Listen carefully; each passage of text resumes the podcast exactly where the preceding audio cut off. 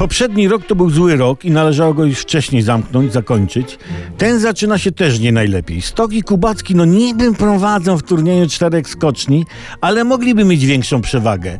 Nie zajęliśmy w tym Innsbrucku całego podium. No żyła do poprawy. No ciężko, ciężko się zaczyna. No, ale za to na polu promocji szczepień covidowych odnieśliśmy sukces. Wielki.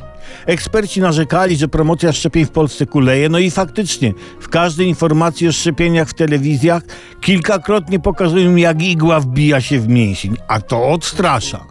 Sugerowano, żeby płacić tym, którzy się zaszczepią, co by było głupie, bo, bo, bo, bo gdyby ludziom kazać płacić za zastrzyk, to efekt byłby lepszy. Jak za darmo, no, no to coś tu jest z tym nie tak.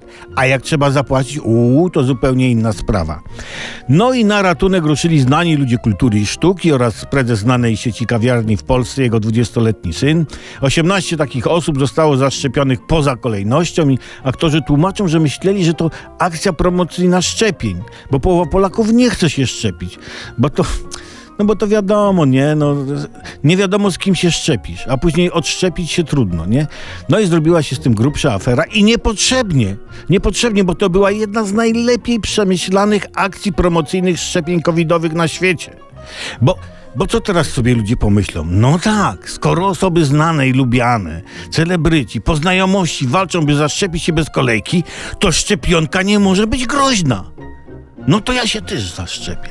Zatem kampania promocyjna Mój COVID jest większy niż Twój odniosła spektakularny sukces.